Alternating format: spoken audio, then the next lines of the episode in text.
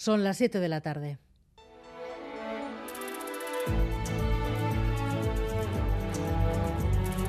Gambara con Arancha García. Xavier Madariaga, Racha León. Arracha León, Bay. Estás en Usán solo desde hoy el municipio 113 de Vizcaya y a la espera de que el abogado del Estado pueda recurrir un pueblo feliz porque ve cumplida una aspiración de más de cuatro décadas. Sí, así es. San Andréses no arrancan aquí hasta el viernes, pero en Usán solo la chosna ya está abierta y el pañuelo de Jayas ya lo luce todo el mundo en el cogote. Las celebraciones, porque son el municipio 113 de Vizcaya, no pueden esperar. En realidad llevan todo el día celebrándolo. Hay vecinos que se han ido hasta Guernica, las juntas generales, luego de vuelta en el pueblo, Chiquiteo, a Maiquetaco, a la Aluviada y a esta hora todas en la plaza del pueblo celebrándolo. Estoy con dos, dos de esas ilusionadas vecinas, Ollane eta Izone, Lortu dugu, Lortu duzue. Esa es la, la frase que más se repite en el pueblo. ¿Cómo, ¿Cómo se vive esto? Pues bien, con mucha emoción. Con mucha emoción. Sí, es alegría, emoción, o sea, euforia, o sea, es, es la leche. ¿Qué creéis que va a cambiar? Jo, muchas cosas, muchas cosas y todo a mejor, tener nuestro propio ayuntamiento, gestionar las necesidades de nosotros y bueno, pues muchas cosas. Llevamos mucho tiempo luchando por esto y lo vamos a notar. El bolsillo, lo que se recauda, se queda aquí, eso es lo más importante. Bueno, es, es importante, pero yo creo que también el, el sen- bueno, sentir siempre nos hemos sentido, ¿no? Y hemos sabido siempre de dónde somos. Pero además ese reconocimiento ya, ¿no? Oficial de decir, es que ya sois pueblo, ¿no? Ahora mismo no se siente, pero, pero no sé si hay miedo a que os puedan echar atrás esta desanexión. No, yo creo que no, que esto ya lo más difícil ya lo hemos hecho y ahora ya a seguir trabajando en ello y para adelante. Ni se piensa en eso. No, ahora no es momento para eso. Ahora es momento para ver todo lo bueno que hemos conseguido y disfrutarlo. Ya lo veis, la fiesta sigue aquí en Usán solo y os lo contamos en Gambara. Enseguida volvemos contigo, Xavier.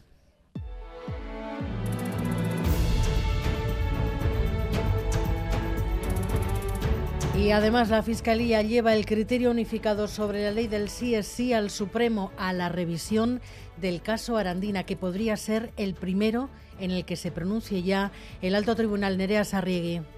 Sí, el Tribunal Superior de Justicia de Castilla y León condenó a los jugadores de la Arandina a tres y cuatro años de cárcel por abusar de una chica de 15 años. En 2017 la Fiscalía recurrió, pidió que las penas se elevaran a 10 años. El Tribunal Supremo revisará el caso el martes y había pedido a la Fiscalía un informe para comprobar si la nueva ley del solo sí es sí le hacía cambiar de criterio. La respuesta es no. El Ministerio Público cree que deben elevarse las condenas y si su recurso no se acepta, deben mantenerse como están. El debate sobre la rebaja de penas ha llegado hace escasos minutos al Congreso. Vox ha acusado a la ministra Irene Montero de haber planeado deliberadamente la reducción de penas a violadores. Su respuesta ha puesto en pie a toda la bancada izquierda, incluidos todos los diputados del PSOE que se incorpore al diario de sesiones la violencia política que se está ejerciendo en este momento para que después de mí no venga ninguna, que las feministas y las demócratas somos más y les vamos a parar los pies a esta banda de fascistas. A las 8 entrevistamos aquí en Gambara a la secretaria de Estado de Igualdad.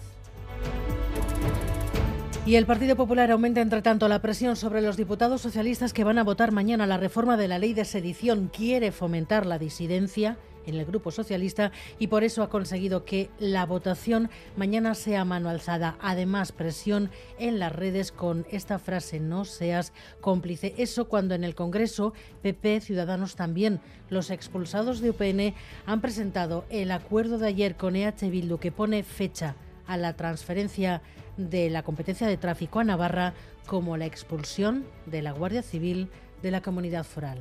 Eso es hacer política de miserables, eso es haber pasado todas las líneas, eso es una vergüenza, una afrenta para el conjunto de los españoles. Dieron su vida por España, por la libertad y porque estemos todos aquí. ¿Sabe la primera vez que se pactó esto? En el año 2000, siendo presidente del gobierno el señor Aznar, y lo pactó con UPN, el ex partido del tránsfuga que ha subido a esta tribuna a verter mentiras, falsedades y demagogia. Así están las cosas. Cuando los presupuestos generales del Estado se van a votar definitivamente mañana, llevan además camino de aprobarse con mayoría absoluta. En Boulevard de Radio Euskadi, en Ecuandoeza, el secretario general del PSE dice que al margen de que pueda haber algún tipo de pulso entre PNV y Bildu por ser quien mejor hace valer sus votos en Madrid, lo importante es que las negociaciones mejoran los presupuestos.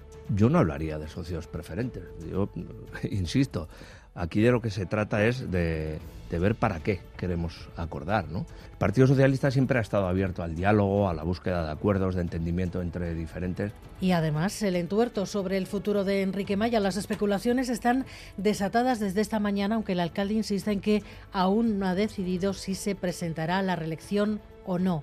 Aún no ha decidido. Maya pide tiempo. Todo es posible, ¿no? Yo tengo en mi cabeza bastante claro cuál debe ser esa, esa decisión, pero os pido también a todos que entendáis, ¿no? Que es una, una decisión compleja, que tiene muchos efectos y que la quiero tomar con sosiego, con tranquilidad y, comunicarla en el momento que esté tomada. ¿no? La web del Parlamento Europeo, entre tanto, lleva varias horas caída. La caída, el ataque parece que ha llegado justo después de que el Parlamento declarara a Rusia Estado terrorista. Maya, Portugal, Bruselas.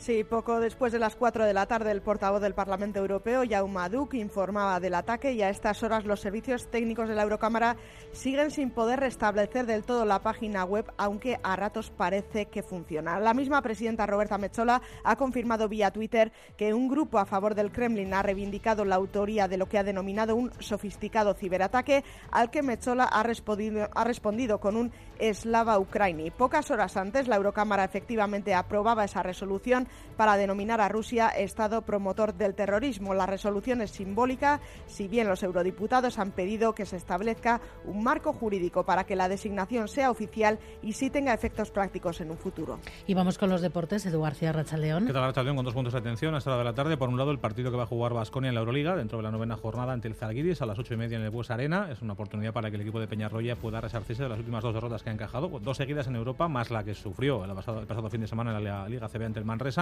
El otro nos lleva al Mundial de Qatar. Ha finalizado ya el primer partido de la selección española con goleada histórica 7 a 0 a Costa Rica, casi nada, con Unai Simón y Espilicueta como titulares y con eh, Nico Williams jugando los últimos 30 minutos. Ha debutado, por tanto, el menor de los Williams en un campeonato del mundo. Ha sido un repaso en toda regla que tiene aún más valor porque en el otro partido de este grupo, Alemania, candidata a ganar el mundial, ha caído ante Japón por un gol a dos.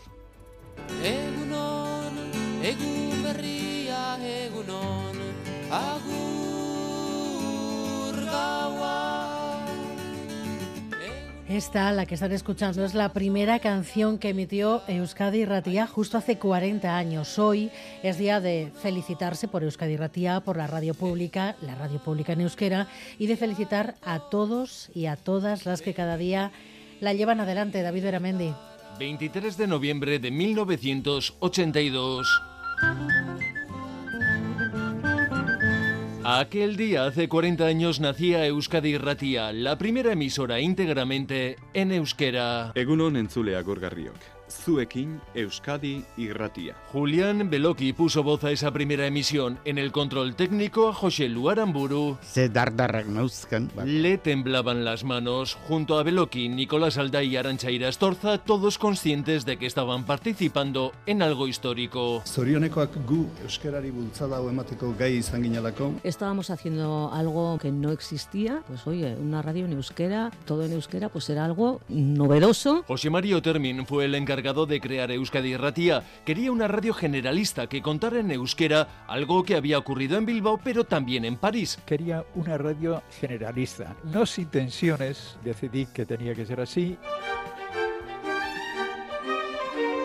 Así sonaba la careta de aquellos primeros noticieros.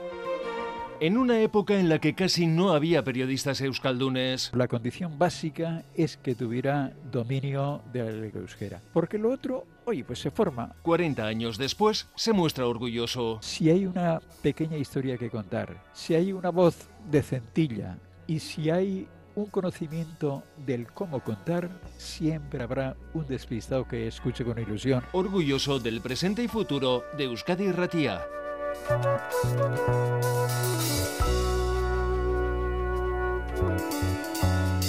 Alberto Zubeldia y Paula Asensio están en la dirección técnica, Cristina Vázquez en la producción.